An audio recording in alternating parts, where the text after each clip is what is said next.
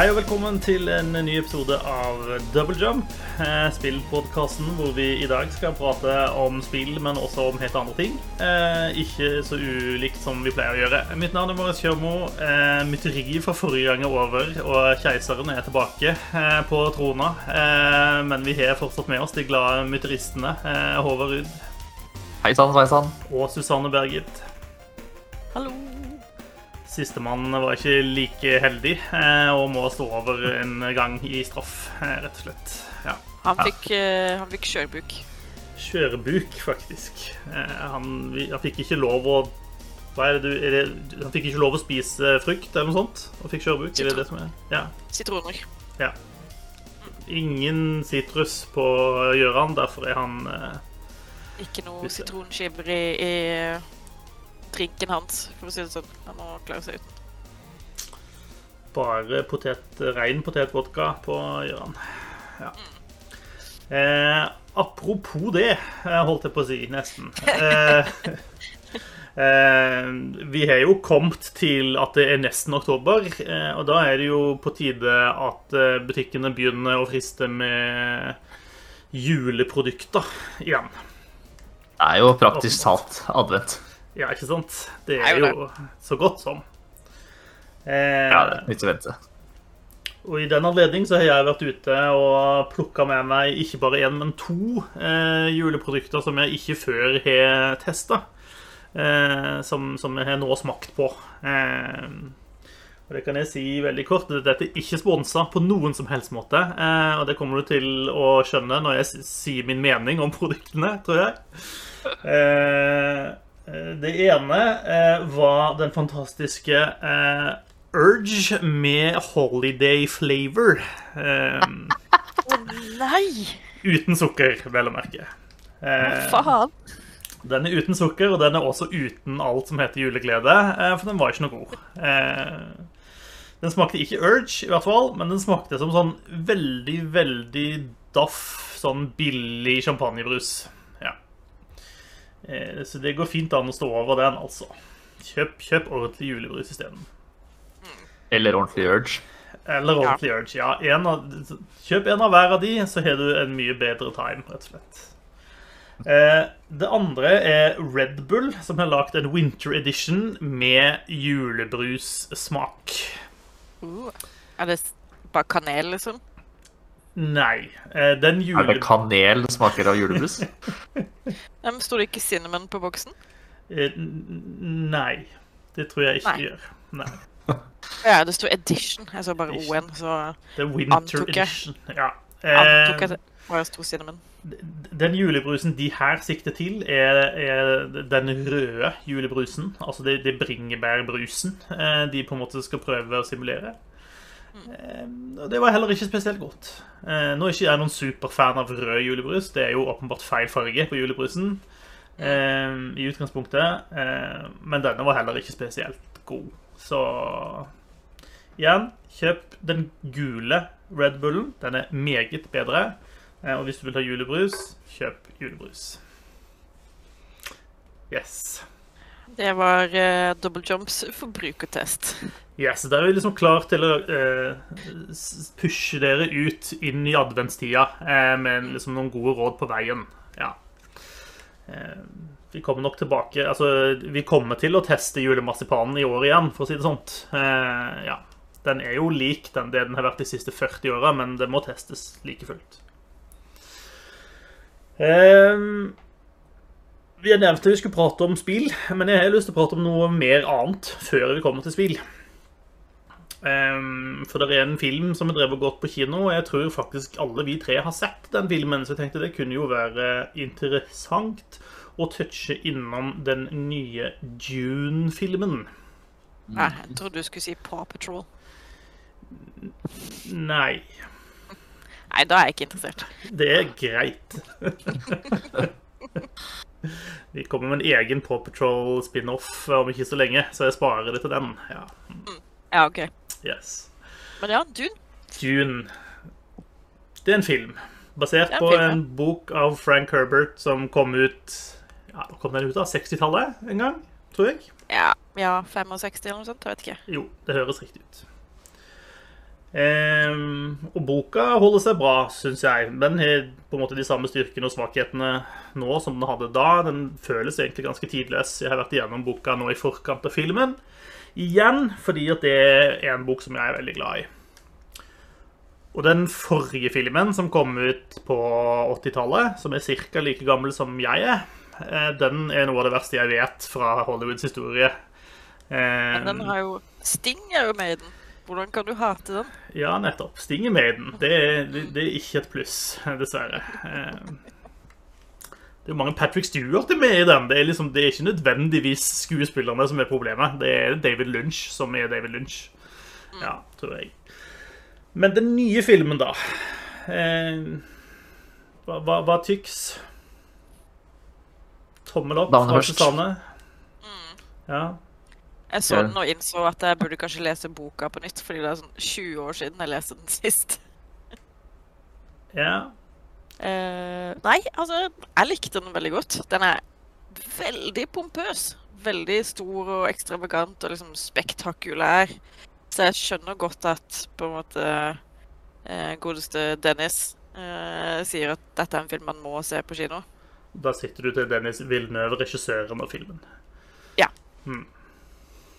Ikke, ikke Dennis fra It's Always Sunny in Philadelphia. Men jeg er ganske sikker på at han ville sagt det samme. Pølser må man kjøpe fra pølsebod, sier pølseselger. Yes. Ja. Nei, jeg er jo enig i at, eh, at det er en storslått film, da. Eh, De bruker, de bruker mye Det er en, det er en relativt lang film. Eh, og så har de på en måte delt boka opp i to, og dette er del én. Eh, og de bruker ganske mye tid på um, sånn utdradde scener som ikke nødvendigvis har så mye handling eller dialog, men som, som viser omgivelsene, setter stemningen. Og de har åpenbart brukt ganske mye av budsjettet sitt på at ting skal se flott og fancy ut. Um, de skal prøve å gi deg stemningen fra Arrakis. Eh, De har noen ganske fancy romskipscener med svære romskip som lander og tar av og, ser dyrt og fint ut. Men jeg syns de jeg likte ikke filmen, eh, for, for å si det sånn. Det er en pen film å se på, men innholdsmessig så, eh, så satte jeg egentlig ikke pris på den. De bruker der er veldig mange kule karakterer i den boka, og jeg synes ikke de tar seg tid til å hilse på en eneste en av dem omtrent før de eh, forsvinner ut igjen av historien. Så du blir ikke, du blir ikke kjent med noen av karakterene eh, før du på en måte plutselig er, er ikke Før de er døde alle sammen, basically. Eh, og det syns jeg er veldig leit, egentlig. Og det, det, det gjør også at noen av scenene i filmen faller veldig flatt. Sant? Når de har en sånn scene hvor en eller annen person skal liksom ofre seg for noen andre, og de pumper på med pompøs musikk, og sånn, så bryr du deg ikke, for du har jo knapt sett denne personen noen gang. Så det, det, det syns jeg var ganske kjipt, egentlig. Eh, Og mye av det som jeg liker med, med bøkene, er Det ene er liksom det politiske spillet, men det andre er at bøkene har en god del sånne litt sånn game of minds, på en måte. Ulike folk som er veldig, veldig smarte. Sant? Du har disse mantatsene som driver og planlegger, og, eh, og du har flere scener i bøkene hvor eh, Lady Jessica og han ene Tufir Hawat eksempel har en skikkelig sånn eh, verbal standoff der de på en måte det, det er i praksis en slåsskamp, bare med i, i hodene deres, på en måte. Eh, og, og hele det aspektet er på en måte helt borte, eh, syns jeg. Så, så jeg savner ganske mye av det som gjør boka bra, da. Eh, og så tror jeg at de jeg tror rett og slett, altså de, har de har delt boka opp i to. Jeg tror nesten de burde delt den opp i tre, for å få nok tid til å bli kjent med karakterene og, og, og stedene og Ja. Jeg syns Jeg er litt, uh, litt glad for at du sier det, for jeg er, eh, er enig. Jeg var litt redd for at jeg skulle bli uh, cancelled for eh, å si at jeg ikke likte filmen eh, noe særlig. Og det er egentlig av samme grunner som du sier. Jeg har ikke lest boka. Uh, og jeg satt liksom igjen med følelsen at dette er en film som er laga for de som har lest boka. Uh, for jeg føler det De rusher liksom fra ting til ting her, så det med at de kanskje burde delt opp i tre, er er kanskje noe jeg deler uten at Eller jeg, mener Ja, noe jeg tror kunne vært bra uten at jeg vet hva som skjer eh, videre, da. Eh, men jeg er også veldig sånn at eh, jeg har ikke noe forhold til noen av karakterene. Og bryr meg liksom ikke noe om hva Altså Jeg forstår ikke noe av motivasjonen til veldig mange av karakterene. Hvorfor gjør de dette det de gjorde nå? Eh, har, hva for noen betydning har det at denne personen dør? Eh, og, og, og sånn. Men eh, jeg syns avslutningen var vel grei, så jeg eh, Så sjøl om jeg ikke likte filmen, så har jeg lyst til å se neste. jeg tror uh, den biten som kommer, tror jeg kan være interessant. Uten at, som sagt, jeg vet ikke hva, hva det er, men det, det virker ganske spennende. At han At de er ute med de fri, frimennene, eller hva de heter for noe. Fremen, ja. Det kan jo være i neste film at Zendaya får lov å si mer enn tre ord også. Det kan jo være en fordel. Ja, Ja, altså, hun har jo blitt veldig på en måte eksponert i traileren, og så er hun Mm. egentlig ikke med i filmen i det hele tatt. Det irriterte meg litt. Uh, men jeg, Ja, det, det var masse klipp liksom, til uh, Du fikk se ansiktet hennes, at hun sto i ørkenen her og snudde seg. Og så var det neste scene, som var noe helt annet. Eh, det skjedde jo mange ganger i filmen. Eh, så jeg er litt synd. litt skuffa over at jeg ikke fikk se mer av, eh, av henne. Men hun får sikkert en Det lukter jo at hun får en sentral rolle i, i neste film. da. Ja, det har vel altså- eh, Villeneuve vært ute og sagt også, at det er hun som vil ha hovedrollen egentlig i neste film. Hvis han får være så snill lov til å lage en ny, for det er vel egentlig det han er ute og ber om. Det er også derfor han har vært så på at folk må gå og se den på kino, for hvis den ikke gjør det bra på kino, så blir det ikke noen film nummer to. Ja. ja, du må liksom ha en toer for å få med deg alt det gøye, på en måte. Jeg mener, uh, Paul har jo ikke blitt Muad'Dib ennå. Eh, og det er jo en stor del av boka. Ja. Men film nummer to blir nok hakket mer liksom, fantasy-prega enn science fiction. Sammenligna med første filmen. Eh, men jeg så den. Uh, jeg har som sagt ikke lest boka på 20 år. Uh, jeg så den med to stykker som ikke har lest boka i det hele tatt. Og vi- likte den kjempegodt. Jeg skjønner det du sier med karakterene, fordi jeg skulle gjerne likt å se at bl.a. Due ble bedre etablert, fordi han er en veldig sentral karakter, og hans liksom forræderi er jo kjempestort i boka. Og her var det bare sånn Upsi-dupsi! Ja. Eh, og liksom eh, Dave Bautista som Rabban Harkonnen er jo med i sånn tre sekunder, og du får jo ikke se hvor liksom jævlig han egentlig er. Eh, så jeg håper de tar med mer av det i film nummer to, for det er liksom Harkonnen så er jo en jævla rasur, men de er jo nesten ikke med eh, i, i denne filmen i det hele tatt. De er litt, litt med på begynnelsen, og så driver Stellan Skarsgård og flyr litt rundt, og så bader han, og det er det, på en måte. Eh, Ja. eh, men når jeg så den på kino, så var jeg liksom Jeg kjeda meg ikke, og jeg var underholdt. Og den var veldig sånn Det er en veldig kinofilm, så man blir litt sånn overvelda av eh, det visuelle, da. Mm. Eh, og så tenker man nødvendigvis ikke kanskje så mye overfor hva som faktisk skjedde i filmen. Fordi som du sier, det er, det er mye de bare spurter igjennom, på en måte. De, de har liksom Usaina Bolta hele den politiske konflikten. Og så får man ikke noe særlig forhold til liksom keiseren, eksempel, eller hvorfor Hvorfor den konflikten mellom Atreides og Harkonnen er så viktig, da, eller så stor, da. Ja, alt det, alt det savna jeg. Um, men Som er grunnen til at jeg har lyst til å lese boka igjen. da, så Filmen oppnår jo det, i det minste. At eh, eh, Holdt jeg på å si Ikke Herbert, holdt jeg på å si, men sønnen til godeste Herbert eh, kommer til å tjene en del penger fordi folk, flere folk kommer til å kjøpe originalbøkene. Gjør nok det. Og så, underveis i filmen, så barberte de Jason Momoa. Det var ganske rart. Det var en, eh, Ja. det var en visual statement. Eh, Han ser virkelig ikke bra ut uten skjegg, ass. Han ser ikke ut som Jason Momoa. Han ser ut som en sånn random fyr. ja. Eh, Hvem er denne surferduden, og hva har du gjort med Ja. Jason Momoa? Ja, men skjegget til Oscar Isaac er spektakulært. It is. It is. Uh, altså, det gjør, he det gjør hele filmen. Eh, så, så hvis du er skeptisk til om du skal gå scenen på kino, gå scenen på kino. Fordi det skjegget fortjener å bli sett i all sin uh, spektula... Ja, i all sin glory. Mm. Jeg casha ut og, så, og kjøpte Imax-billetter til og med. Mm. Uh, sånn, det koster ganske mye for en kinobillett, men jeg har ikke akkurat lagt igjen mye penger på kinoer de siste Nei, to åra. Jeg synes du kan koste på deg det når du først skal på kino, liksom. Ja. Det, og det var jo en, en, film å se på kino. Det er stort og flott og mye lyd, ikke minst. Um, men da å se skjegget til Oscar Isaac på Jeg tror det er 1150 eh, tommer eller noe sånt. Uh, det var flott. Hvert hver eneste krone. Det var som å svømme i skjegget hans, rett og slett. Ja, kanskje. Ultimate ja. fantasy. Ja. Skjegget hans og sandormene er dritkule. Mm. De bør man se på en stor skjerm, fordi da skjønner man på en måte dimensjonene det er snakk om. De er jo fuckings enorme.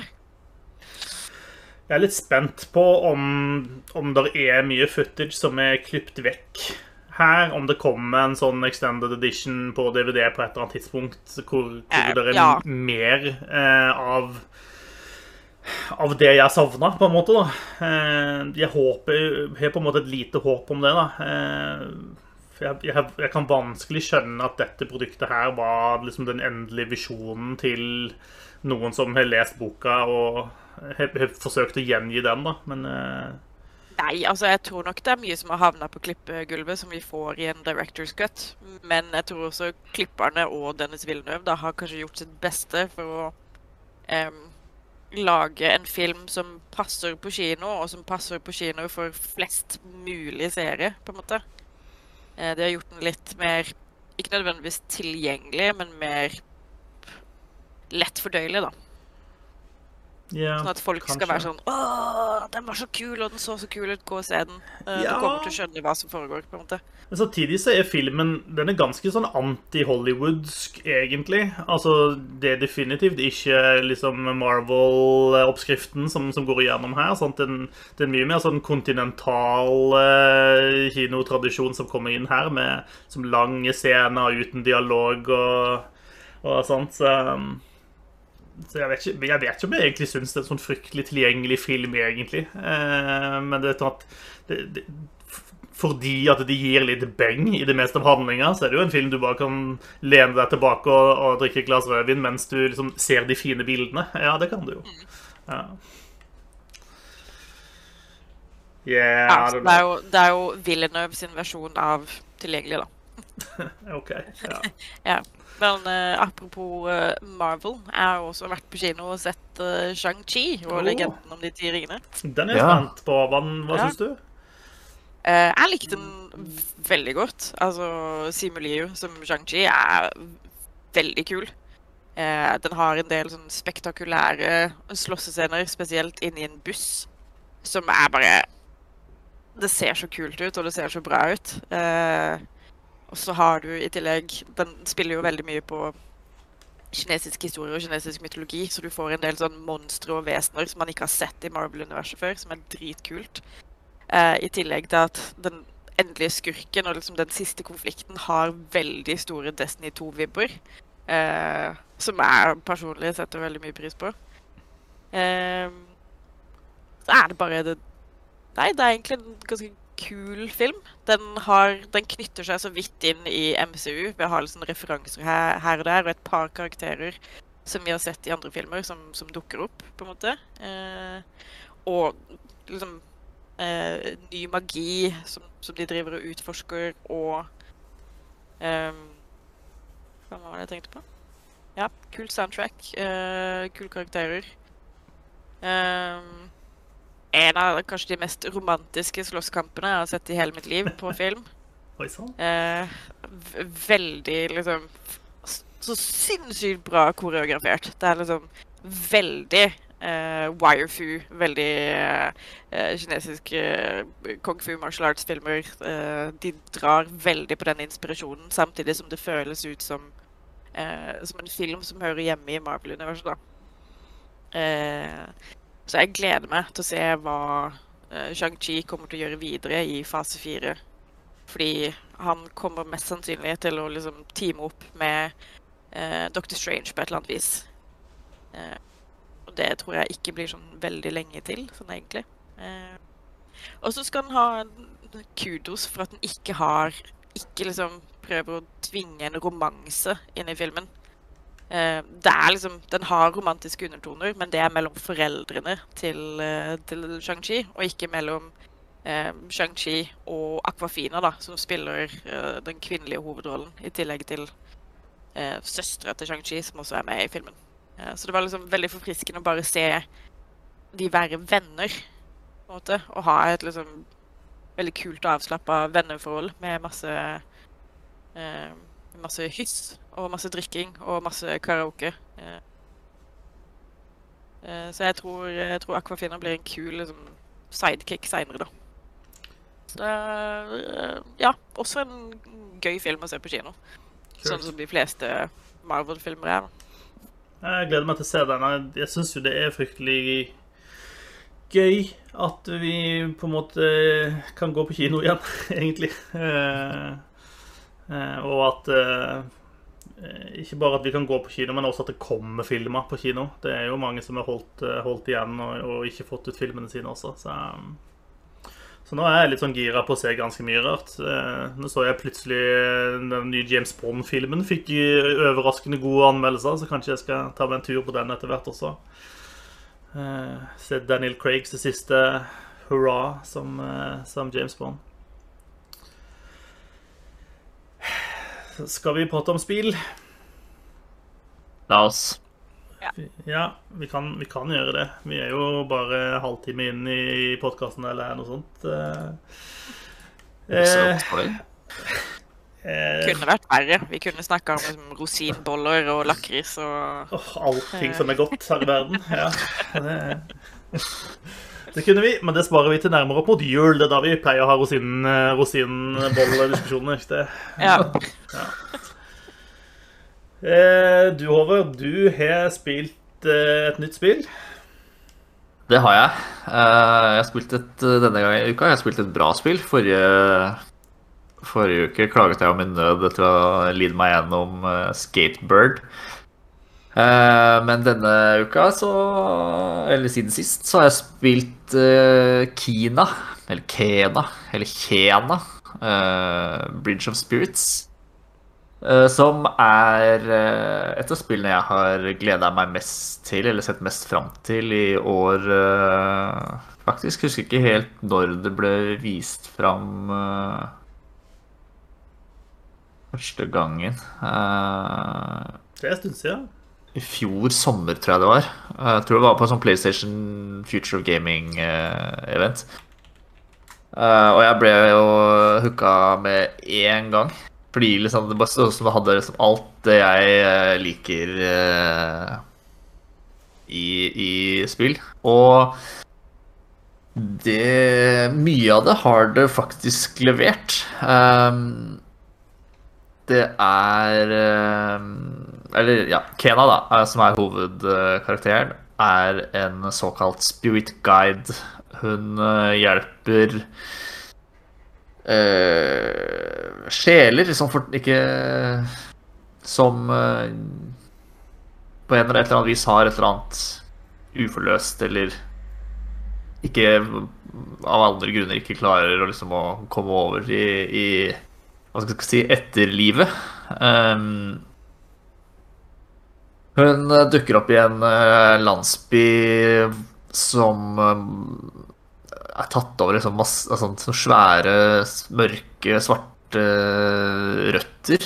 Um, som uh, sperrer av store deler av, av landsbyen og hus og og omgivelsene rundt, for så vidt. Um, og må da eh, reise rundt i, i den dalen hvor denne landsbyen ligger, og klense um, uh, de forskjellige områdene, da. Um, det, for å gjøre det får hun hjelp av noe som heter uh, Rot. Som er disse svarte, små svarte skapningene som uh, man forelsker seg i trailerne. Som uh, Som også kan hjelper Kena i kamper, f.eks. Um, så det ligner litt på ligner nesten litt, minner nesten litt om Pinkmin til tider. Um, hvor du kan sende de, de på, på fiender, f.eks., for, for å liksom holde de fast. Um, så du kan slå på de uh, uforstyrra, for å si det sånn. Um, eller de kan uh, bære ting for deg, sånn at du kan uh, Så du får noe å klatre opp, så du når liksom en fjellhylle eller, eller lignende, da. Um, en Hena henter mye inspirasjon liksom fra liksom PlayStation 3-æra actioneventyr. Uh, litt sånn Sly, uh, Ratchet Clank den, uh, den type spill. Um, også litt sånn klatring og greier fra spill som Uncharted, for eksempel. Um, så det er mye plattforming eh, også her, da, som jeg jo er uh, er veldig glad i. Um, og det gjør Og det gjør det egentlig ganske bra, syns jeg. Um, det er uh, spillet er utviklet av et studio som heter Ember Lab, som faktisk aldri har laget spill før. De uh, er et animasjonsstudio, så de har lagd mye, mye, film. Um, og det, det syns veldig godt i cutscenes, da, for å si det sånn. De er um, De mellomsekvensene i, i, det spillet er uh, utrolig lekre veldig altså, vellaget. Som uh, Som løfter det uh, ganske mange hakk. Um, kampsystemet er uh, litt Litt sånn Selda-aktig, men kanskje mer Dark Souls Uh, faktisk, som, uh, som overraska meg ganske mye, fordi det ser ut som et, et veldig typisk, veldig fint og koselig familiespill.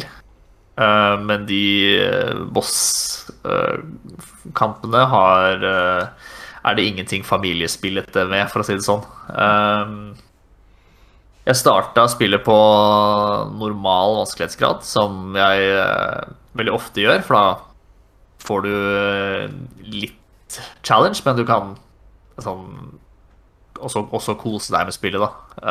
Og første ordentlige boss dengte meg altså så veggimellom at jeg, uh, jeg Det var en ekstremt frustrerende uh, opplevelse. Um, for du har liksom Du har et skjold som er som en boble som, som du tar rundt Eh, rundt Kina.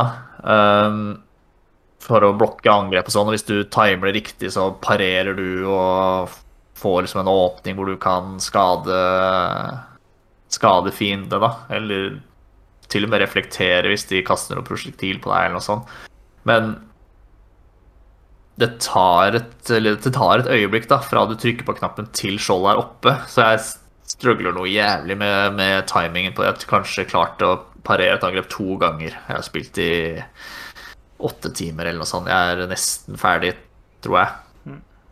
Um, så det er uh, er veldig frustrerende når du i et sånt, sånn kampsystem forventer jeg liksom at hvis jeg skal reagere da, og blokkere et angrep, så må, må det skje med en gang. Um, jeg syns jo ikke sånn, sånn, sånn passiv tilnærming som du liksom må ta i disse bosskampene, det er ikke så gøy. Um, og han bossen har et sånt angrep sånn du har en sånn arena, liksom. Um, og han står på andre sida av arenaen, så kan han finne på liksom å kaste seg gjennom lufta da, og skal uh, hoppe på deg. Og sjøl om du venter til han har hoppa, før liksom du begynner å løpe og, og, rulle unna, så skifter han liksom bare retning i lufta og lander på deg uh, samme manna bein. da. Som, og, og det greiene der ble bare for frustrerende for meg. Og når han har en sånn treangrepskombo, og klarer du ikke blokke den første, så blir du liksom stunlocka og tar halve HP-en din. Så jeg har endt og jeg har skrudd ned vanskelighetsgraden til story mode. Um, og sjøl da er noen av bossene som jeg har møtt senere, har faktisk vært faktisk vært ganske utfordrende likevel. Um, uh, og, og, det gjorde jeg fordi alt annet ved spillet er så bra, da. At jeg ville ikke at inntrykket mitt skulle ødelegges av, uh, av noen frustrerende bosskamper. Um, og det angrer jeg egentlig ikke på heller. Uh, det, er litt, det er kanskje litt vel lett som jo er synd, men heller det enn det forbanna vanskelige uh, fightene. Noen, uh, noen, kandidater til årets 5-0 inni der, høres det nesten ut som. ja, det, det kan du, skal du ikke se bort ifra.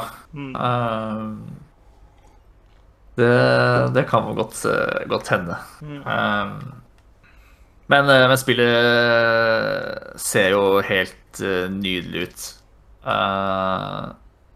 Det er flotte farger og ganske pen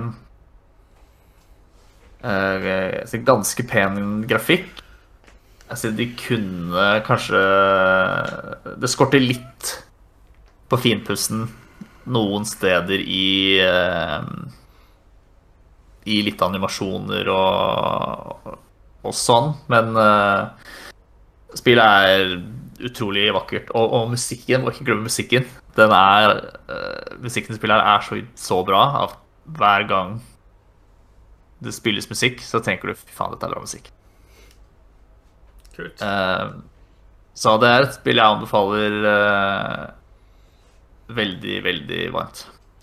Totalinntrykket er veldig bra, men noen frustrerende bossfights eh, kan være til hinder, det du sier. Ja. Uh, det er ingen skam å skru ned vanskelighetsgraden. Det er lov. Det, det er vi helt enig i.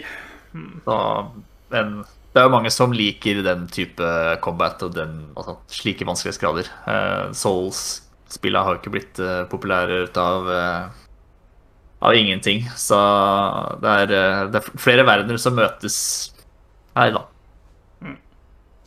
Hvor uh, Soul-spillene har blitt populære bare på trass, rett og slett. ja. Nei, men altså, Kena står jævlig høyt opp på, på, lista, så det blir neste spill jeg skaffer meg, tenker jeg. Mm. Eh, jeg gleder meg skikkelig til å spille, med, spille det. Men da, da, vet jeg at jeg bare begynner rett på story mode, så Fordi hvis ikke så kommer jeg til å hisse meg så jævlig opp. Ja, du kan jo prøve, uh, og så uh, Jeg konkluderte etter litt for mange forsøk at det er faktisk ikke verdt det å grinde uh, den bossfighten her. Så, så jeg kan jo sikkert trasse meg gjennom det, og så kan jeg gni trynet ditt inn i det etterpå. Ja, men da kommer jeg til å spørre deg hvor mye koste du deg egentlig? Eh, ja, det var det, da. Og jeg koser meg. Mm. Ja, ja. Eh, apropos vanskelighetsgrad. Eh, jeg har fortsatt å spille Pathfinder Wrath of the Righteous. Og det er, et, eh, det er ganske punishing eh, å spille det på liksom den, den, den, den, vanlige, eller den, den vanskelighetsgradsinnstillingen som regnes som normal der. Eh, men det er jo et spill som, hvor du kan skru opp og ned på omtrent hvert eneste lille aspekt eh, i spillet og tilpasse vanskelighetsgraden din. Så der vil jeg også anbefale at du nok gjør noen justeringer, for hvis ikke så kan ting fort bli ganske frustrerende i det spillet. Eh, og etter hvert så møter du noen fiender som er sånn Ja, hvis ikke du har en karakter med deg som tilfeldigvis har akkurat den ene av de to spillene du må ha, så kommer du ikke til å klare å gjøre noe skade på den fienden eh, hvis vanskelighetsgraden er satt for høyt. Så ja. Men kjempekult spill. Jeg må si jeg digger de mythic pathene som de har i det spillet. Og de gjør at jeg har sykt lyst til å spille det spillet mange ganger eh, for å se eh, hvordan dette spillet blir når du spiller med en annen mythic path enn den du har. Eh, så er det litt dumt at jeg kommer til å bruke over 100 timer på den første gjennomspillingen min. Jeg er ikke ferdig på den ennå. Så hvis jeg må bruke jeg, jeg tror det er sånn åtte forskjellige Mythic Bats. Eh, så det kan bli ganske mange timer etter hvert hvis du skal se alt. Ja. Eh, men det er i hvert fall Jeg har det, veldig, veldig gøy med det. Eh, og så har jeg jo spilt litt Deathloop, eh, som Gøran prata om forrige gang. Ehm, jeg kan for så vidt støtte meg til det meste som Gjøran sa. Eh, det er, det er et veldig kult spill. Eh, jeg syns Arcane er utrolig flinke. Ehm, Idet du på en måte starter spillet, og den første sånn to timene, så er ting litt confusing. Eh, og det er kanskje ikke så rart, fordi karakteren du spiller, er også ganske confused, fordi han skjønner ikke hva som skjer, og det gjør ikke du heller. Og så når det har gått et par timer inn i spillet, så begynner du på en måte å få kontroll over ting. Eh, og eh, konseptet er jo kort fortalt at du, det er Groundhog Day. Det er en dag som repeats itself. Eh, det som jeg syns er veldig fint, er at det er, er, ingen tidspress i dette spillet i det hele tatt. Eh, dagen er delt opp i fire eh, epoker, eller hva du skal kalle det for noe. Eh, du har ja, morning, noon, midday og night, eller noe sånt. Eh, som i praksis gjør at du kommer til å gjøre fire eh, spillsessions før dagen resettes. Og på hver av de spillsessionene kan du bruke så mye tid du bare vil på. Eh, men det er også eh, Kan være det kommer flere etter hvert, det vet jeg ikke. Men sånn innledningsvis i hvert fall, så tror jeg det er fire ulike områder du kan, du kan gå til. Og i hver session så kan du bare gå til ett av områdene. Eh, eh, og så må du da på en måte prøve å finne ut av hvordan disse tingene henger sammen. Hvorfor driver dagen og restarter seg hele tida. Det er ganske mye sånn weird science inni her. Det ble ganske klart ganske, ganske tidlig. Eh, og de, de, klarer på en måte å kombinere det som er litt sånn artig humor, som, som, som er litt det Arcane klarer å gjøre, eh, med ganske mye sånn mystery. Eh, og det er ganske mange ting du har lyst til å finne ut av i dette spillet. Eh, så du får det er nesten litt sånn Lost-aktig eh, innimellom. Eh, for du møter plutselig på ting som er bare skikkelig fra left field og bare var i alle dager. Og så er det en forklaring et eller annet sted inni der, men du har lyst til å gjøre detektivarbeidet på en måte for å finne ut av ok, hvordan henger disse tingene sammen. Eh, og noen ting henger kanskje ikke sammen heller. Noen ting er kanskje bare rare eh, ting fra hverandre. men eh, Eh, men det er veldig kult designa, og så bruker de dette tidselementet veldig, da. Sånn at hvis du gjør noe på, eh, på, på, på morgenen et sted, så kan det påvirke noe som skjer seinere på dagen. Eh, helt grunnleggende eksempel. På et tidspunkt så kommer du til to sånne random NPC-er som bare står og hakker på en vegg. Og hvis du dreper de, så, så, så, vil du ikke se noen ting der seinere på dagen. Men hvis du lar de få gjøre det de gjør, så vil det være et hull i den veggen når du kommer der seinere på dagen. Eh, og sånne ting kan du på en måte finne ut av etter hvert. Eh, og det som, eh, det som på en måte er litt gimmicken i spillet, er at når dagen resettes, så mister du på en måte tingene du har hatt og sånt. Og så får du etter hvert en quest som gjør at du kan begynne å få ting som carries over. Eh, da er det en eller annen weird science-teknologi-ting som de tror de kaller for residium, som er en eh, slags ressurs du kan bruke. Og da kan du infuse enkelte ting, sånn at da starter du med de tingene neste dag. Eller du vil alltid da starte med de tingene. Eh, og det, det, er veldig greit, fordi etter hvert så får du liksom legendary items og sånne ting. Eh, og de har du jo veldig lyst til å ha med deg. Da får du, får du muligheten til det. Eh, og du får nok residuum i spillet, i hvert fall min opplevelse, til at eh, du, du, får med deg de tingene du har lyst til å ha med deg. Så, det blir ikke et stressfaktor, det blir en gøy faktor. Så jeg, jeg, liker veldig De er så flinke på disse sammenhengene. Det er litt som i Hva heter det forrige spillet deres, da? Um, ikke Bray, men det andre. det spillet som Arcane er blitt kjent for å lage. Som de har lagt Ja, ja, ja, jeg ser det for meg, men uh, Helt gjerne med Da er det stikkespillet liksom. Dishonored. Yes, thank you. Yeah. I Dishonored 2 så er det gjort uten deg. Ja. I Dishonored 2 så er det et, et brett hvor de driver og lefler med en sånn tidsgreie. Uh, og her har de på en måte tatt, tatt, det elementet og bare blåst det opp til et helt spill. Uh, og det, det funker helt utmerka. så så det, de greiene der er skikkelig kule. Det er bare å kaste seg uti. Stilen er fenomenal. Stemmeskuespillerne er flinke. Det er masse humor. Eh, ja.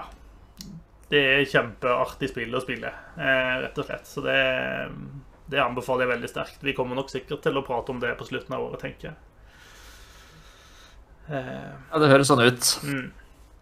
Og jeg spiller det på PC, eh, men jeg kjenner jo når jeg spiller at dette er egentlig et konsollspill. Det, sånn, det, er egentlig et spill hvor du kan sitte, med, sitte i lenestolen med håndkontrollen eh, og nyte deg gjennom. Det går helt fint, selv om det er skytespillelementer inni her, så er det jo det er jo først og fremst ikke et skytespill. Ja da, du kan gå gunsplacing, og innimellom så er det eh, så havner du i fights, fordi at du, du er jo ikke det geniet du tror at du er, selvfølgelig. Eh, Eh, så du må skyte deg ut av trøbbel innimellom. Men, men, men, det fungerer også greit, og etter hvert så får du flere egenskaper som, som vil kunne hjelpe deg med det også, og også kan hjelpe deg ut av fights, da, sånn at du slipper å måtte gønne ned hele byen eh, hver, hver i dag. Ja. Mm. Og sa vel det samme forrige gang, eh, mener jeg å huske. Mm. Som jo er bra. Eh, PC-en min begynner å slite med nyere spill, så Deathloop blir nok noe jeg må ta på konsoll. Men da høres det ut som det går eh, helt fint. Ja, jeg synes det, altså det, altså Spillet er overraskende avslappa, syns jeg. En av de på en måte evnene du får ganske tidlig, er at um, Altså Når du er inne i et oppdrag Hvis du dør i det oppdraget, så får du på en måte ikke med deg de tingene du har samla. Uh, du får alltid med deg kunnskap. Sånn at spillet er veldig flink hele tiden til å fòre deg med sånne eh, med informasjon. Eh, og det husker karakteren din videre hele tiden, og du får hele tiden eh, sånne jeg håper å si, hint eh, som, som, spillet lagrer, og, og, som gjerne bygger videre på et hinttre, om du vil. da, At nå er du på en måte kommet dit. Og de kan det kan du bruke neste gang du skal inn i en sånn spillsession. Så kan du vite at ok, på dette stedet på denne tiden av dagen så vet jeg at dette og dette, dette vil skje. Eller dette, disse, disse tingene må jeg finne mer ut av her. Sånn at spillet er veldig flink til å organisere dette for deg og hjelpe deg inn i det, sånn at ikke du må sitte med, med og skrive notater på egen hånd. Eh, så det fikk jeg bra. Men en av de tingene som du får ganske tidlig, en evne du får, er at eh, du kan dø tre ganger eh, istedenfor én da, eh, på en sånn spillsession. Du har en slags sånn rewind-funksjon som skjer automatisk når du dør, men den funker bare tre ganger. Eh, og det det, det, er kjempesmart. Eh, fordi dette er et spill hvor utforsking er så viktig. Og det er ulike måter å løse ting på, ulike ting du har lyst til å prøve deg frem. Eh, og nå sitter du liksom ikke med hjertet i halsen hele tida. Nå kan du på en måte tåle å feile, da. Eh, uten at alt går i knas. Og det mm. syns jeg er kjempe, kjempesmart. Og så kan de også bruke det på en annen måte, som de gjør, som er ganske kult. Det er et sted hvor du skal inn og egentlig ta livet av en fyr som holder til på et spesielt sted. og for å komme inn på det stedet, så må du eh, rett og slett deaktivere den, den, tingen som gjør det. Og da er det plutselig sånn uh, Da blir det plutselig veldig mye mer spennende å være inne akkurat i dette huset, fordi her kan jeg ikke dø mer enn én en gang. Så nei, de er kjempeflinke, eh, rett og slett. Deathloop er bra spill, anbefales. Susanne, har du spilt noe du vil dele med oss? Uh, ja, jeg spiller jo og spiller uh, til den store gullmedaljen. Uh, holder fortsatt på med Cozy Grove, så klart. Driver og putler rundt og gjør mine daglige gjøremål. Nå har jeg sendt enda en sjel av gårde til det store etterlivet, og uh, oppdaga en ny sjel som trenger å bli sendt av gårde. Den er ganske annerledes fra de andre, fordi den er flere hundre, ja, kanskje tusen år gammel. Eh, og driver og snakker om at han skal eh, påkalle den store keiseren, som skal på en måte utføre eller oppfylle en profeti eller et eller annet sånt weird. Eh, så det blir spennende å se hva slags oppgaver jeg må gjøre for, for denne bjørnen. Eh, må jeg samle stein, eller må jeg hente pakker? Who knows? Eh, kanskje jeg må dyrke turnips. Det er mye å velge mellom. Eh, mye spennende som kan skje fremover. Eh, og så har vi spilt eh, mer Lost in Random. Ja. vi har nå kommet oss til Five Tropolis. Eh, terningen vår kan nå rulle en sekser, så vi er klare til å fuck shit up for eh, dronninga. Mm. Eh, men på veien til Five så viser det seg at oi, oi, oi, søstera vår Søstera vår som vi er ute for å redde, har blitt korrumpert av den onde dronninga. Og gasp. Who the thunk? At det kunne skje eh, når du lar en eh, tolvåring være aleine med en eh, en ond dronning i et år før du prøver å redde henne. Uh, Daddy didn't uh, ja. think that one through. Nei. sånn kan det gå. Uh, så jeg forutser en, en stor liksom, bossfight uh, mellom Odd og Even. Eller Odd og Even, da, om ja. du vil. og så dronninga, så klart. men ja, jeg tror det blir spennende. Jeg tror det blir kult. Spillet er fortsatt veldig gøy. Eh, og nå som vi har liksom flere flere øyne på terningen vår, så er også kampene ganske mye mer Det er mye mer å gjøre, på en måte. Eh, så de er liksom litt mer varierte, samtidig som vi nå er også en del mer badass. Så det går liksom lettere å bare peise gjennom de, på en måte. Eh, de vaktene som blir sendt ut for å stoppe oss, har det ikke veldig hyggelig på jobb, uh, dessverre. Jeg tror ikke de får noe liksom faretillegg av dronninga heller, så det er liksom mm. veldig dårlige arbeidsforhold. Eh, nå er, har vi snakka med et sånt stort flytende turnipshode som har masse øyne, eh, som har sendt oss ut på jakt etter noe folk som kan lage kule kort. jeg regner med det er liksom trading cards, type Pokémon eller Magic the Gathering eller et eller annet sånt. Eh, hvis vi greier å fri alle fem, så får vi et skikkelig, skikkelig verdifullt kort. Kanskje Black Lotus, tenker jeg. Eh, det hadde vært kult. Eh, som vi da kan bruke til å slåss mot dronninga. Enten i liksom Magic the Gathering-style kortspillkamp, eller vi bare sier hei, vi har Black Lotus mint condition, kan vi få tilbake søstera vår? I, det blir en, en bra byttehandel. Kanskje bedre for dronninga, tenker jeg. Ja. Altså, Tolvåringen er jo i praksis ødelagt, så ja, ja. i hvert fall ikke jævla, min condition. Jævla irriterende. Og på liksom rask vei inn i puberteten. Er det noe du har lyst til å deale med? Nei, det er det ikke. Uh, og så har jeg også spilt et par, uh, par timer til med Life is Strange True Colors og har vel ennå ikke fått sjansen til å bruke kreftene mine. Eh, så jeg vet ikke helt hva de er, bortsett fra to Alex, eh, som hun heter.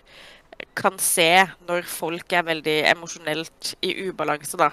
Hvis de er sinte, så gløder de rødt. Hvis de er redde, så gløder de lilla. Eh, hva jeg skal gjøre med den informasjonen? Don't know. Jeg vet bare at hvis Alex kommer for nærme, så på en måte føler hun det samme eh, som det de andre føler, da. Og blir liksom satt ut av det. Eh, litt usikker på hvordan jeg kan bruke det til min fordel og, og hva slags kule triks jeg kan gjøre med det.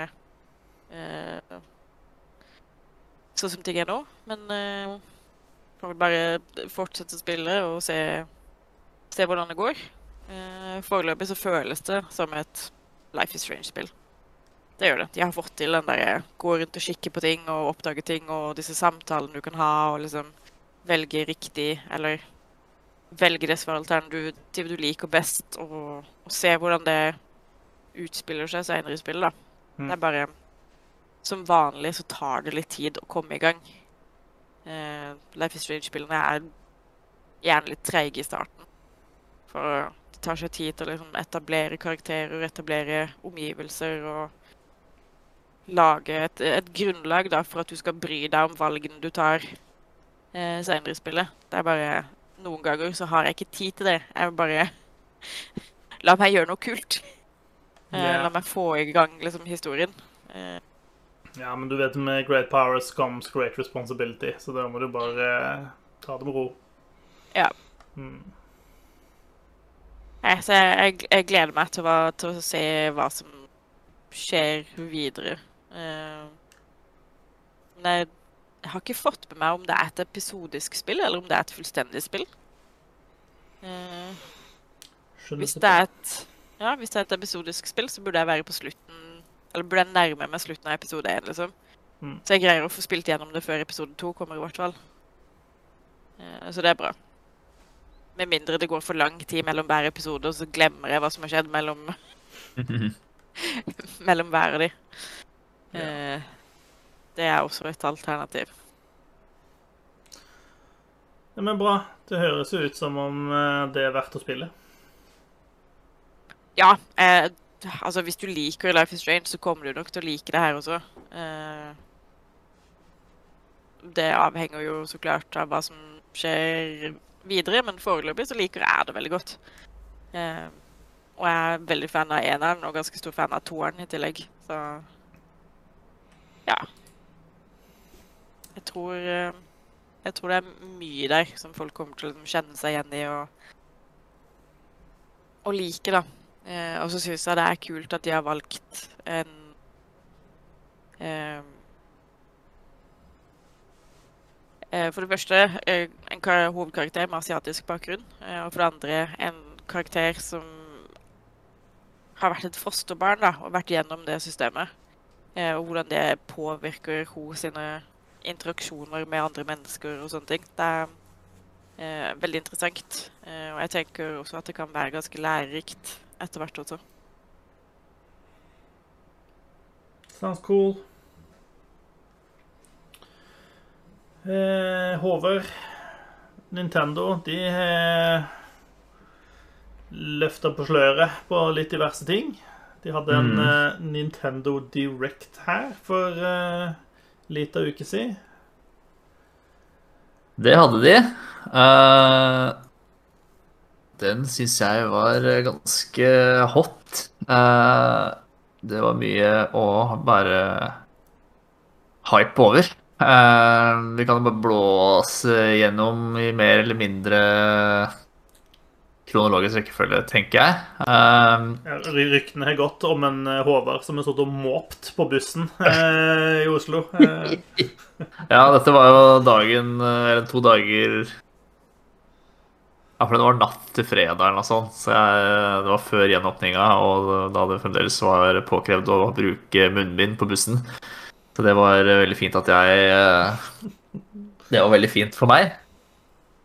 Eh, fordi ja, jeg satt og gapte, og eh, jeg hadde nok sett veldig rar ut eh, hvis jeg ikke hadde kunne skjule halve ansiktet. Eh, de starta hele ballet med en utvidelse, tror jeg, til Monster Hunter Rise, som heter Sunbreak. Det bryr ikke jeg meg så mye om, men kanskje Gjøran ville brydd seg. Det kommer i hvert fall neste sommer så viste de en ny trailer til Mario Party Superstars, som jeg syns ser uh, kjempebra ut.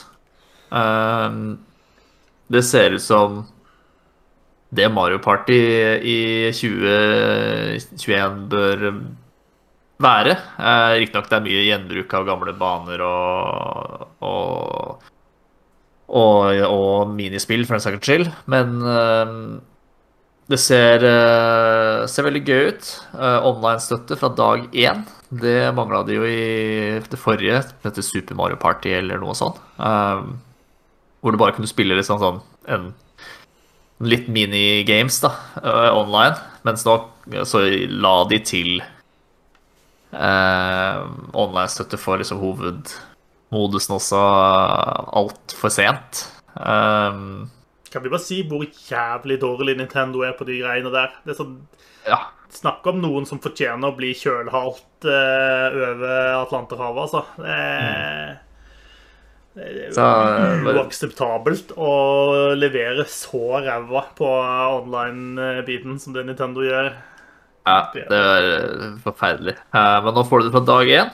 Akkurat nå som liksom pandemien er, eh, er over. Regjeringa har jo skrudd av korona.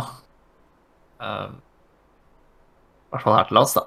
Uh, er bare tenk, tenk så mye Mario Party du kunne spilt med vennene dine i lockdown hvis du bare hadde hatt online-støtte. liksom. Ja, ja, nok om det. Uh, det kommer 29. oktober. Eh, jeg ser fram til det. Jeg tror det blir, blir gøy. Jeg håper jeg har noen venner som skaffer seg det.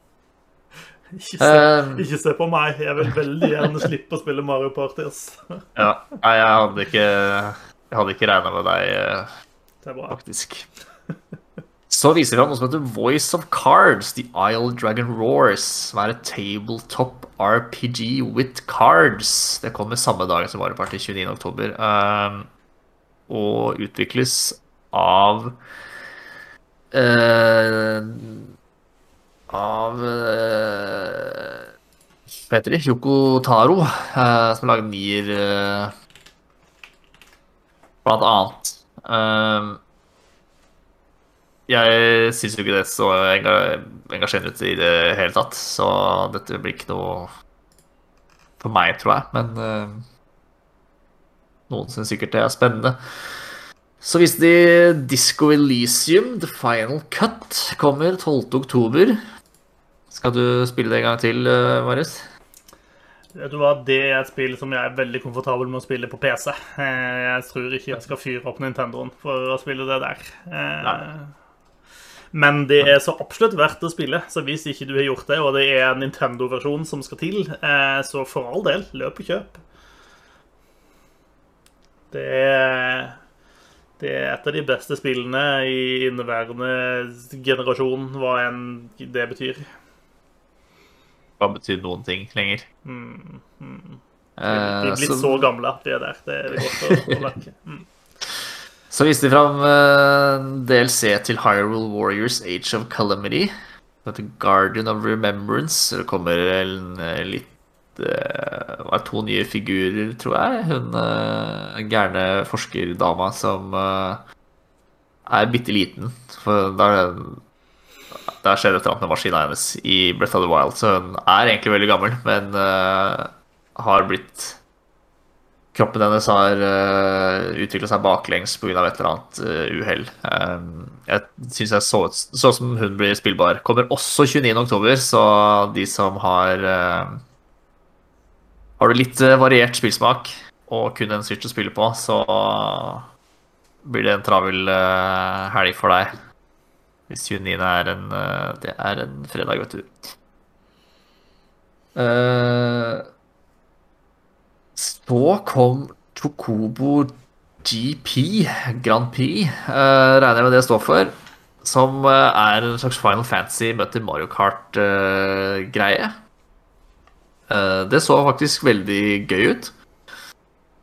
Eh, jeg syns de har et sånn item-system som de hadde i Diddy Kong Racing, hvor du samler tre items av samme farge, så så blir det en mye bedre utgave av itemet, som jeg syns er eh, litt slitsomt. Jævlig irriterende hvis liksom, du har, har to, og så treffer du en annen farge, så er det ja, greit, da må du begynne å spare på nytt, da. Eh, det syns jeg er en dårlig variant, men uh, ellers så så det ganske ganske gøy ut. Så ut som et morsomt sånn arcade eh, racing-spill. Kommer en eller annen gang neste år.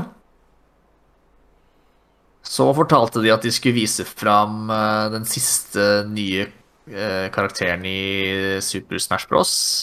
Eh, De sa ingenting om hvem det er. Det må vi vente til 5. oktober med å, å få vite. Men du sier den siste nye. altså Er det den siste siste karakteren? Er det sånn nå kommer det ingen flere karakterer? Eller er det bare Ja. sånn Ja. Ja, og nå kommer den siste karakteren nå i løpet av eh, oktober, sikkert. Og da er det jevnt slutt. Da er det spillet fullt. De, alle anime-karakterene har de nå gått tom for. Så nå Ja, tydeligvis. Tydeligvis. Um, så det blir gøy å se hvem, eh, hvem det er. Håper liksom ikke er noe sånn Ja, en karakter som ingen i Vesten eh, har hørt om engang. Uh, men det svaret får vi 5. oktober. Chuck Norris, Så du hørte det først her på W. Så slapp de eh, vise fram noe helt nytt. Kirby and the Forgotten Land, som blir Kirbys liksom første 3D-spill. Um, altså i en 3D-verden, altså. Så bare litt sånn Mario-vibber. Så den verdenen så kanskje litt uh, tom ut på det vi fikk se, men uh, Får håpe de så fyller den opp med mer, med mer gøy å, å gjøre. Jeg er positiv. Um, kommer våren 2022, så det er sikkert ikke kjempelenge til uh, vi får vite mer. Så tisa de mer Animal Crossing-greier. Uh, kafé, det åpner en kafé i, eh, i museet nå. Eh, da kommer Brewster, som er en karakter veldig mange har etterspurt og savna i det nye Animal Crossing-spillet. Han åpner kafé i november, og vi skal få mer informasjon om den oppdateringa i oktober. Eh, Så kunne de fortelle at det kommer to nye karakterer og to nye kart til eh, Mario Golf. Super Rush. Det er eh, ute nå. Den ene karakteren var Koopa Troopa, og den andre var den lille svarte med spisse ører. Og så helt stille hva, hva den heter. Du er on your own her. Ja. ja, filler'n. Uh, du får eh, laste ned den nye oppdateringa til Mario Golf og se sjæl. Uh, så viser de fram Disney Magical World 2. Uh, jeg vet ikke helt hva det er, men det er Ser ut som Ninji, for øvrig. Ja, Ninji heter den. Uh, men Disney Magical World ser ut som du kan putte min din i Disney, diverse Disney-univers og synge sammen med Elsa fra Frost og, og whatnot. Det kommer this holiday. Så kommer uh, Knights of the Old Republic til Switch bare 18 år etter uh, opprinnelig release, eller noe sånt. Eh, kommer 11. november. Eh, så ikke ut som de hadde gjort sånn kjempemye med Nei, for, for dette, det. er, dette er ikke den remaken som de eh, nylig annonserte skulle komme til PlayStation. Dette er bare det gamle spillet som har vært ute på alle plattformer, inkludert Android, liksom, i 100 år allerede, som, som nå kommer til, til Switch. Det tror jeg. Og det kommer 11. november. Ja. Uh, så kommer Dying Light. Kommer 19. oktober. Og samtidig annonserte de at Dying Light 2 Stay Human kommer 4. februar. Uh, og det hørtes ut som det blir streaming only. Altså du må strømme spillet til uh, til konsollen din. Du får liksom ikke kjøpt det f- og puttet inn i, i, i switchen din. Så det er vel sikkert for stort, da. ja. Eller- Eller Switchen kan ikke kjøre det. Ja, eller noe sånt. tipper jeg. Det Ja. kommer vel i desember til andre plattformer, så Mm. da må man smøre seg litt mer med tålmodighet hvis man er Switch Only-eier. Mm. Ja. 4. februar. Så nevnte sa de nå om Triangle Strategy kommer 4. mars. Det så jeg at jeg ikke brydde meg om, så det spurte jeg bare forbi. Og det var jeg glad jeg gjorde, for da havna jeg rett på Metroid Dread. Uh, som er uh, Det må vel kunne sies å være høstens store spill for, på, på Switch. Det syns jeg ser gøy ut. Jeg har liksom ikke, har, har liksom ikke spilt noen andre Metroid-spill. Um, men uh, Dread syns jeg ser uh, gøy ut. Som, en, uh, som et klassisk Metroid-spill, men i, med 3D-grafikk, da. Ser ut som det går fort og mye bra plattformhopping og sånn. Um, så var det Jeg hopper over en uh, storting og tar den uh, til slutt. Um, for da nå er det noe Shadowrun Trilogy kommer i 2022, og så peisa de gjennom Castlevania Advanced Collection ute nå. Act Racer Renaissance, uh, Renaissance ute nå. Delta Rune Chapter 1 og 2 ute nå. At dette har jeg ikke noe forhold til.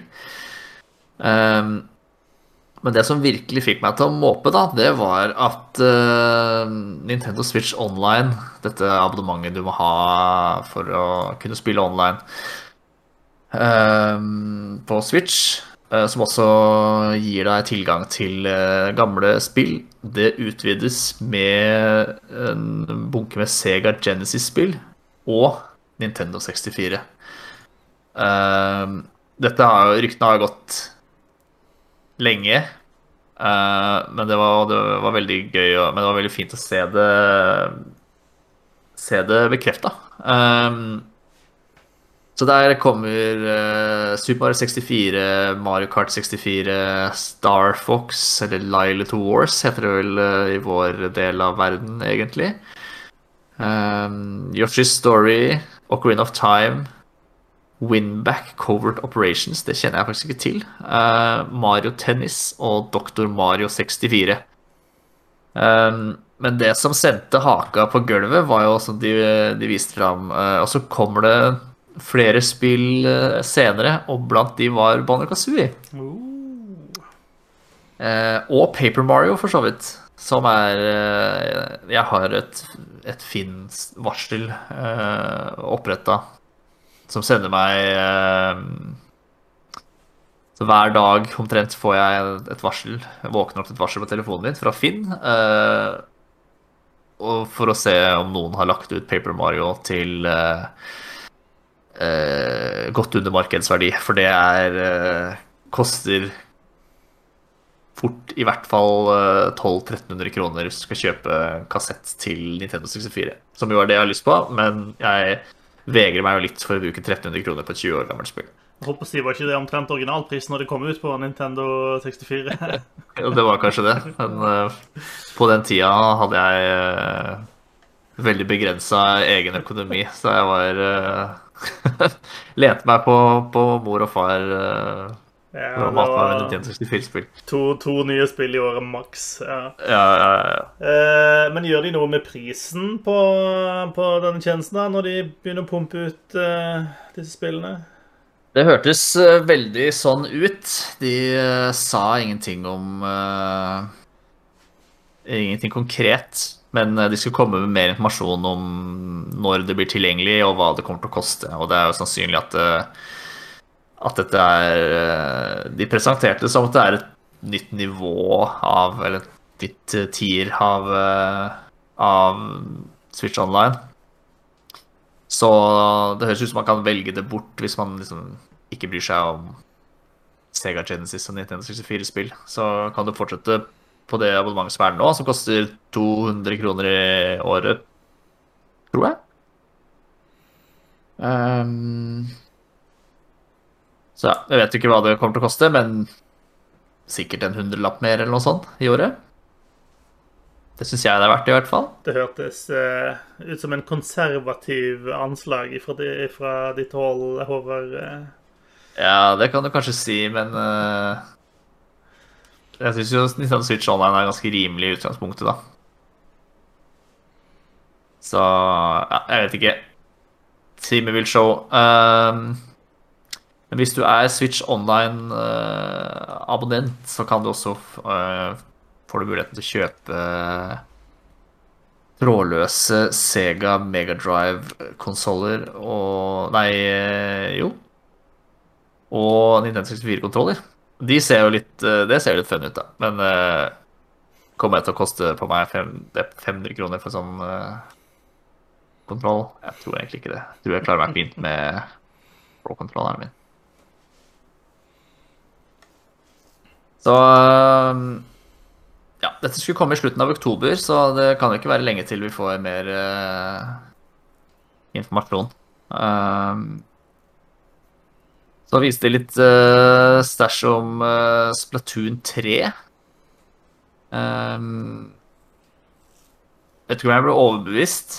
Uh, vi fikk vel se litt av uh, av uh, campaignen som skal være det, være i det spillet. Um, uten at de egentlig viste noe, så vidt jeg husker. Um, så jeg avventer litt på den, men uh, det var nok mange som uh, lot seg rive med av den siste annonseringa, som er Bajonetta 3. Det er vel annonsert for lenge siden, men nå kom det endelig mer Mer nytt. Med en ganske en ganske heftig trailer. Um, og da uh, annonsering at det kommer en gang i 2022. Er, er, Eksklusivt til Switch. Fru Bajonetta fortsatt like brennheit som tidligere? Er hun gift? Jeg vet ikke. Frøken. Håper ikke det. Si. I. Mistress Bajonetta. Eh, ja, det er bedre. Er hun like brennheit? Ja, ja det, det, vil jeg si. Han er kanskje Jeg kjenner ikke den serien så godt, men uh, kan hende han har uh, klær som ikke er like avslørende denne gangen. Hvis mm. jeg husker screenshots jeg har sett riktig. Men uh, ja, det ser heftig ut. Tipper Gøran er er gira. Det tror jeg også. Uh, så til slutt så har vi jo den store snakkisen, da. Uh, Shigeru Mimoto stakk innom for å si at uh, Husker at vi lager en Super Mario-film?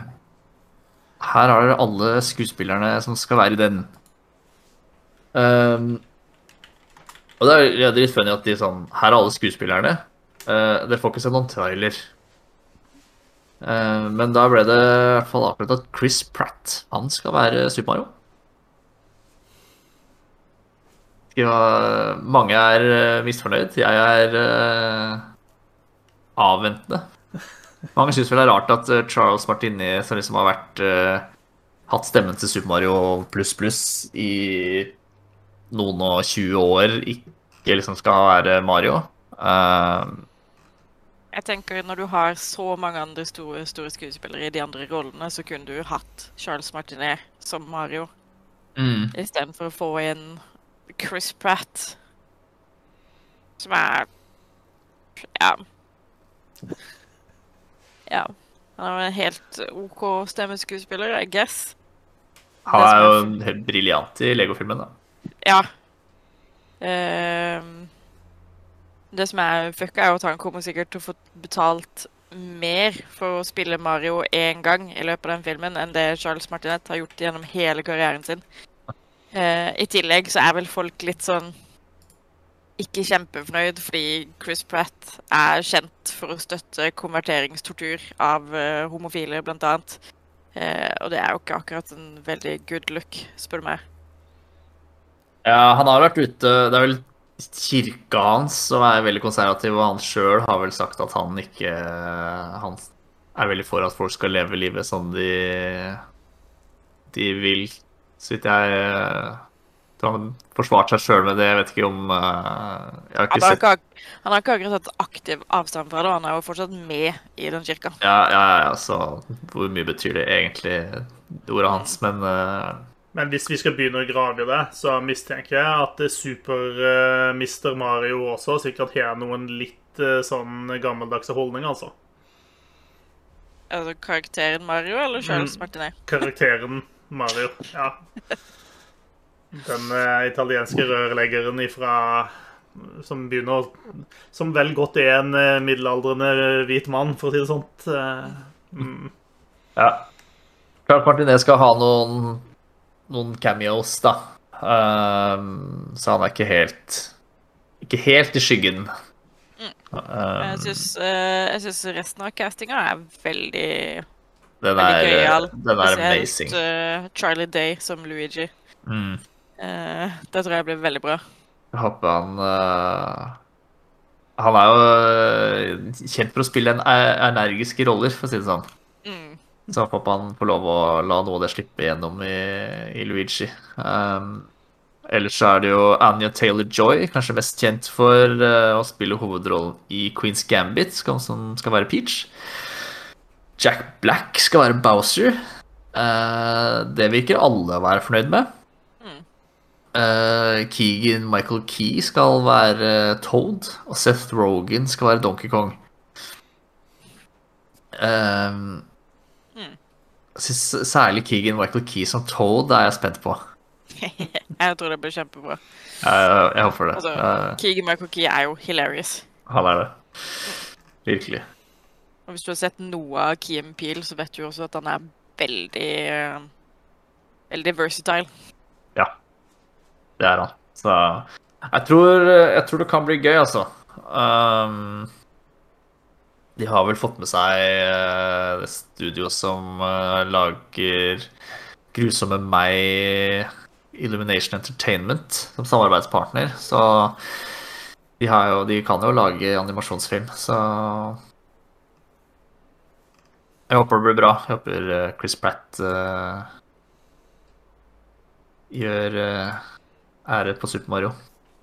At han har en troverdig italiensk aksent. Ja, det var det, da.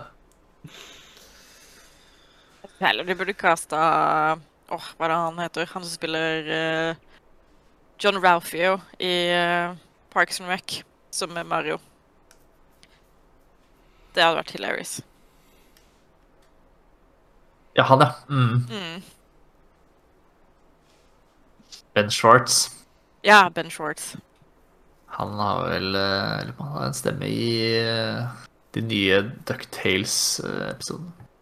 Han er jo også Sonic i Sonic-filmen. Mm.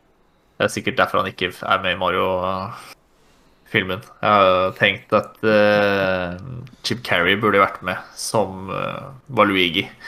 Men det Ah, ja. får han vel sikkert ikke fordi han er skurk i Sonic-filmen. Mm, ja. Ja, for det er et gammelt rivaleri som det er viktig å holde liv i fortsatt. eh, Mario og Sonic, ja. Mm. Mm. Det er det mange som bryr seg om. Ja. Uh, ja, Jeg ja. Jeg skulle bare blåse gjennom den uh, directen. Det tok uh, lang tid, gitt. Men, eh, men Nintendo hadde mye på hjertet denne gangen, rett og slett. Ja, jeg syns de hadde mye bra, mye kult også. Um, en god del uh, nye ting, og dyppe tåa i nostalgi med Nintendo 64 og sånn. Uh, så jeg Odd i, i chatten vår på Twitch uh, påpeker at Mario Kart 64 får også online-støtte, og det er jo, er jo genialt. Selv om det er et, eh, et Mario Kart-spill som har eh, ikke eldes kjempebra. I said it. Ja. Ja, det er mitt Mario Kart-spill. Eh, om jeg har et Mario Kart-spill, så, det- så er det jo den versjonen der. Det er jo lov å håpe at eh, nå på Switch at spillet klarer å, å spille musikk om du er mer enn to spillere. Ja. Det gjorde de jo ikke på originalkonsollen. Jeg jeg kommer til å lyrke lurke bak deg med et rødt skal når du skal klare å hoppe på det Vario-brettet, den arenaen. Så du faller ned og må kjøre en halv runde på nytt igjen. Eh, Ja, Rød skalle i Mario Kart 64 er jo worth shit. Nei, men det- eh, Det var jo interessant eh, å se. Det var jo kjekt at de hadde en del å dele.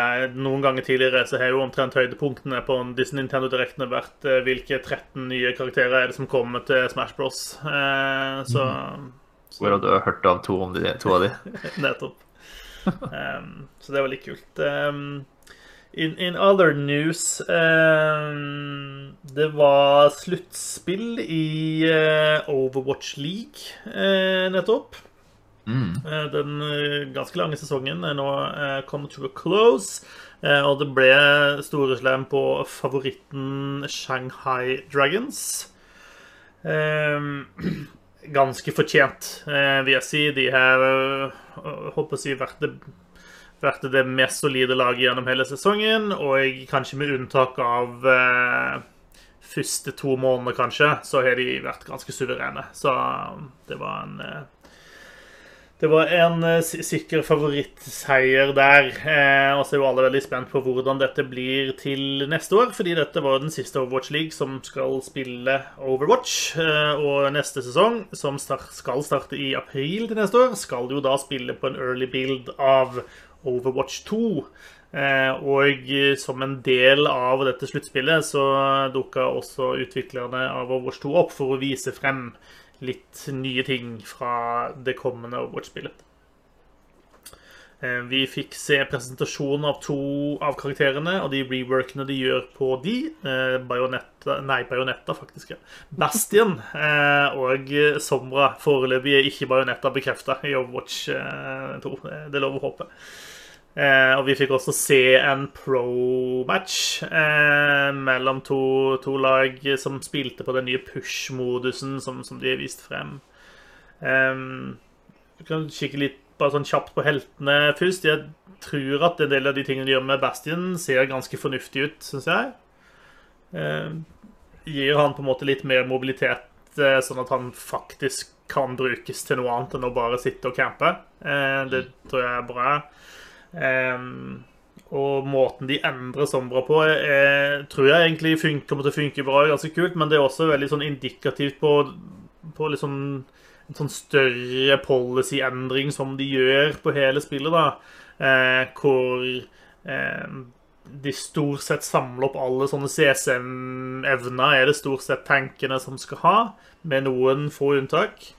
Eh, og eh, DPS-ene skal være mer damage-oriented, og det, det kommer også Sombra nå til å være, der hackene hennes gjør at de gir wallhack. Alle kan se de som er hacka, eh, og hackene vil ikke lenger Altså, de vil ta ifra evnene til den som blir hacka i ett sekund, tror jeg. Altså sånn det bare er sånn helt umiddelbart. Så med Finn, for da beholder de på en måte muligheten til å stoppe en ult eller noe sånt med, med, med hacken, som er ganske kult. Men ellers så gir de damage boost til Sombra, sånn som jeg har skjønt det. Sånn Ja. at, sånn at hvis Sombra hacker noen, så vil Sombra gjøre mer damage på dem, men det vil ikke andre lagkamerater gjøre. Eh, som vil også da gjøre at Sombra blir en mer Altså, Det blir lettere for henne også å gjøre mer skade, eh, og ikke bare løpe rundt og være en sånn irriterende veps. da. Ja. Så eh, Da jeg så det her, så tenkte jeg at det ser jo helt forbanna broken ut. Eh, men for hun kan, hun kan hacke mye oftere. Mm. Uh, cooldown er bare tre sekunder i stedet for åtte, som den er per nå, da. Men sånt, jeg ser jo gjennom Overwatch 1-brillene mine, eh, og hadde putta denne somra inn i live sånn Overwatch er nå, så hadde det jo vært fullstendig Ja. Det, hadde, det kan man ikke gjøre. Nei, og så er det Um, sånn som utviklerne også sier, da, altså alle tall kan, altså, er, jo fortsatt noe som sikkert kommer til å bli justert til den endelige versjonen. Eh, om den, eh, den countdownen er på tre sekunder, eller om den kommer til å bli justert etter balansering og sånt, det vet man jo ikke ennå. ja. Eh, Altså eh, Super, eh, som er en tankspiller for eh, San Francisco, vel? stemmer. Han har snakka litt om oppsi det han opplevde i, i den kampen på på Twitch i etterkant, og han uh, sier at Sondra var så broken at, at lagene etter hvert ble enige om å ikke bruke henne. Mm. Uh, så det må nok noen justeringer til, sjøl om uh, hovedlinjene er er på plass, da. Um, og han sier også at at Overwatch 2 føles mer som en deathmatch enn det liksom, Overwatch 1 gjør. Og det bekymrer meg litt, for det, er liksom det jeg har Det har jeg sagt også helt siden de sa uh, vi skal gjøre Overwatch 2 til 5 versus 5 uh, eh, med én tank i stedet for to. Uh, så jeg er litt uh, bekymra. Super sier også at ja, det føltes som det de spilte, var alfabild. Så mye kan jo skje, selvfølgelig. Men uh, jeg er litt bekymra for uh, framtida til Overwatch, uh, sånn for min egen del. Da, hvor interessant det kommer til å være for meg. Ja, Men, jeg, jeg, deler egentlig din bekymring. Altså, jeg, jeg, er ikke så bekymra for fremtida til Overwatch, fordi jeg tror at de endringene de gjør, vil føre til at flere folk kommer til å spille Overwatch 2. Men om jeg syns det er like gøy, det er kanskje en annen sak, ja. Jeg er bekymra for min framtid i Overwatch, da. ja, ja, jeg er litt enig. Ehm, jeg synes jeg satt og så den push-kampen. Ja, jeg syns ikke den modusen så så gøy ut. Ehm, I hvert fall ikke fra et sånn tilskuerperspektiv, da. Jeg bruker jo altfor mye tid til å sitte og se Overwatch-kamper. Nå blir det jo pause der i, i et halvt år, men Eh, jeg synes ikke det jeg så fra den kampen, så ut som veldig god TV-underholdning, da, Sammenligna sammenlignet med en del av de andre modusene. Eh, og jeg er litt mm. usikker på om det er modusen som gjør det, eller om det er endringer til fem mot fem. Men jeg synes at kampene var mye mer kaotiske, i hvert fall. Og fordi at disse objektivene driver og flytter på seg hele tida, så blir det mye vanskeligere å følge med. Det er klart det det er noen elementer her av at dette er bredt som du ikke kjenner så godt, eh, som gjør at du ikke nødvendigvis gjenkjenner hvor ting skjer hele tiden og sånt, men eh, ja, litt, litt bekymra for at den, de, de driver og, og, prøver å selge denne modusen, og jeg er ikke helt overbevist om at den er så kul ennå, da. Men, ja. Nei. Nei, jeg syns også det, det så jo mer ut som deathmatch, uh, og det Det ser ut som de tar spillet i, i mer uh, shooter-retning enn Moba-retning. Mm. Um, som jeg ikke er, i utgangspunktet er så interessert i. Um, så det ser ut som det er liksom mer uh, fem individer og ikke ett lag, uh, har jeg inntrykk av. Da. Og jeg syns det er redd det blir dårligere TV, da. Ja, enig. Vi får se uh, hvordan dette utfolder seg. Skal gjennom en haug med tester. Eh, og, og det, det, de jo har indikert, er jo at når eh, de i april skal begynne å spille på dette, så vil det fortsatt ikke være en ferdig utgave, en, en release-utgave av Overwatch 2. Så de har en stund på seg igjen ennå til å få dette til å funke og henge sammen. Eh, ja. Det var noen onde tunger som mente at de drev og eksperimenterte med å gjøre Doomfist om til en tank, eh, for øvrig. Eh, han er jo utelukkende CC, eh, og hvis de skal følge filosofien sin, så må han enten reworkes totalt og bli noe helt annet enn det han er, eller så må han bli tech. Ja. ja. Spesielt. Ja. Eh, Activision Blizzard eh, utenom å, eh, å, utvikle Overwatch 2, så driver de også med å plage sine ansatte. Eh, eh der, eh, hva, er, hva er siste nytt på den fronten? Eh, siste nytt er at de har inngått et forlik i De har blitt saksøkt ikke bare av staten California, men også på føderalt nivå. Der har de inngått et forlik da i, med det amerikanske Equal Employment Opportunity Commission. Eh, som tok Blizzard til retten i forbindelse med alle anklagene om trakassering og diskriminering og, og sånn. Og det, det tror jeg gikk ganske fort at uh, Activision Blizzard uh, hosta opp 155 millioner kroner uh, til EEOC-folka, da. Mens den andre rettssaken, den ruller og går, visstnok. Ja, den kommer nok til å rulle og gå en stund, tenker jeg. Mm. Men hva var det? 155 millioner dollar?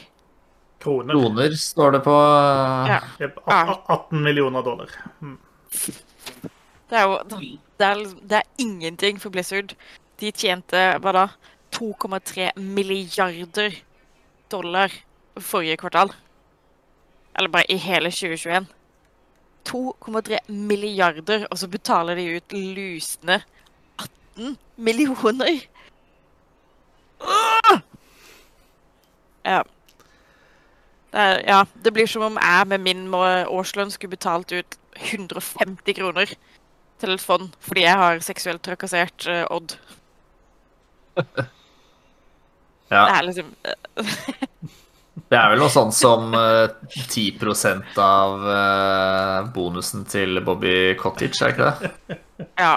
Det er helt Det høres ut som mye, mye penger for oss uh, vanlige dødelige, oss peasant people, men for de så er det ingenting. Det er seriøst ikke, det er seriøst ikke en vanlig tirsdag engang. Det er liksom tirsdag dette, formiddag. Det kan være dette fører til at Bobby Cottick må vente en måned før han kjøper det nye privatflyet sitt. Eh, Ja, eller ikke får kjøpt badekaret i 24 karat gull i morgen, men uh, må vente til neste måned, liksom. Det er seriøst null penger, og det er en fornærmelse mot alle som har blitt behandla så jævlig dårlig av Blizzard. Uh, det er som å spytte de i trynet og Ja. Og så gå hjem til hver enkelt ansatt og drite i postkassa deres. uff da. Eh, ingen som sjekker postkassa si lenger, heldigvis. Eh, Heldigvis. men det er jo litt sånn eh, altså Jeg vet ikke hvordan de kommer frem til den summen de kommer frem til. Eh, det er jo noe som noen, noen må jo ha Det føles jo av og til som noen bare stikker fingeren i lufta og bare tenker på et tall, på en måte. Men de må jo ha et eller annet måte å komme frem til noe på. Gudene vite hva det er for noe. Men det er klart Jeg vil tippe at uh, dette føderale kommisjonen Jeg vet ikke hva det er. Kanskje det er en sånn slags eh, amerikansk svar på likestillings- og diskrimineringsombudet, eller noe, noe i, i den I nærheten av det. Ehm, men det kan jo tenkes at de er bekymra for at dette som Activision Blizzard gjør, er ikke veldig uvanlig. Eh, at det er noe som skjer over hele fuckings linja, all of the time.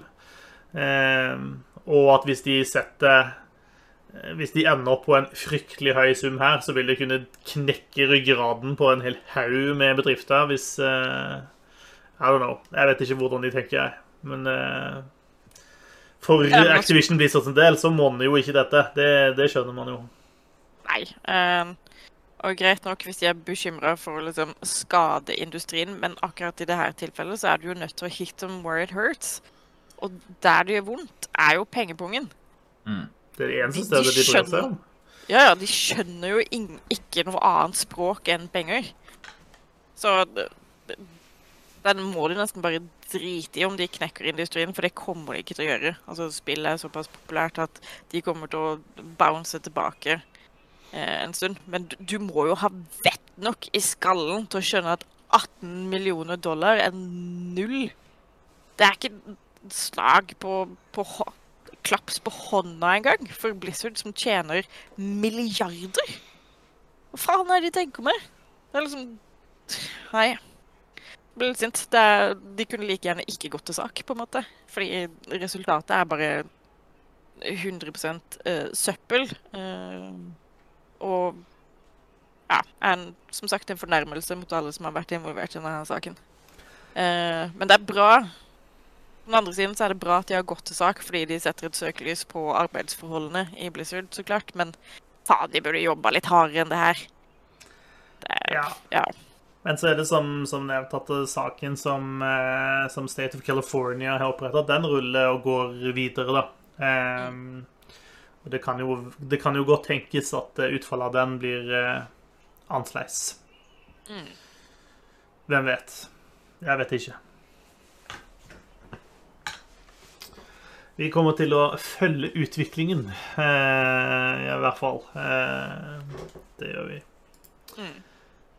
Eh, vi nærmer oss slutten av denne sendinga. Eh, vi holder på å spille Sable i Voklubben vår. Eh, det kan du slenge deg på å være med, så skal vi prate om hvordan vi opplever det i neste uke. Mm. inntil da så tror jeg vi sier oss ferdig for i dag. Pass på dere sjøl. Ikke måp for mye på bussen. Ikke driv på med for mye sånn seksuell trakassering med mindre du har 18 millioner dollar liggende på konto. Da er det tydeligvis fritt fram. og ellers ha en brillefin fin uke, og på gjenhør forhåpentligvis på mandag. Hei så lenge. Ha det, da. Ha det bra.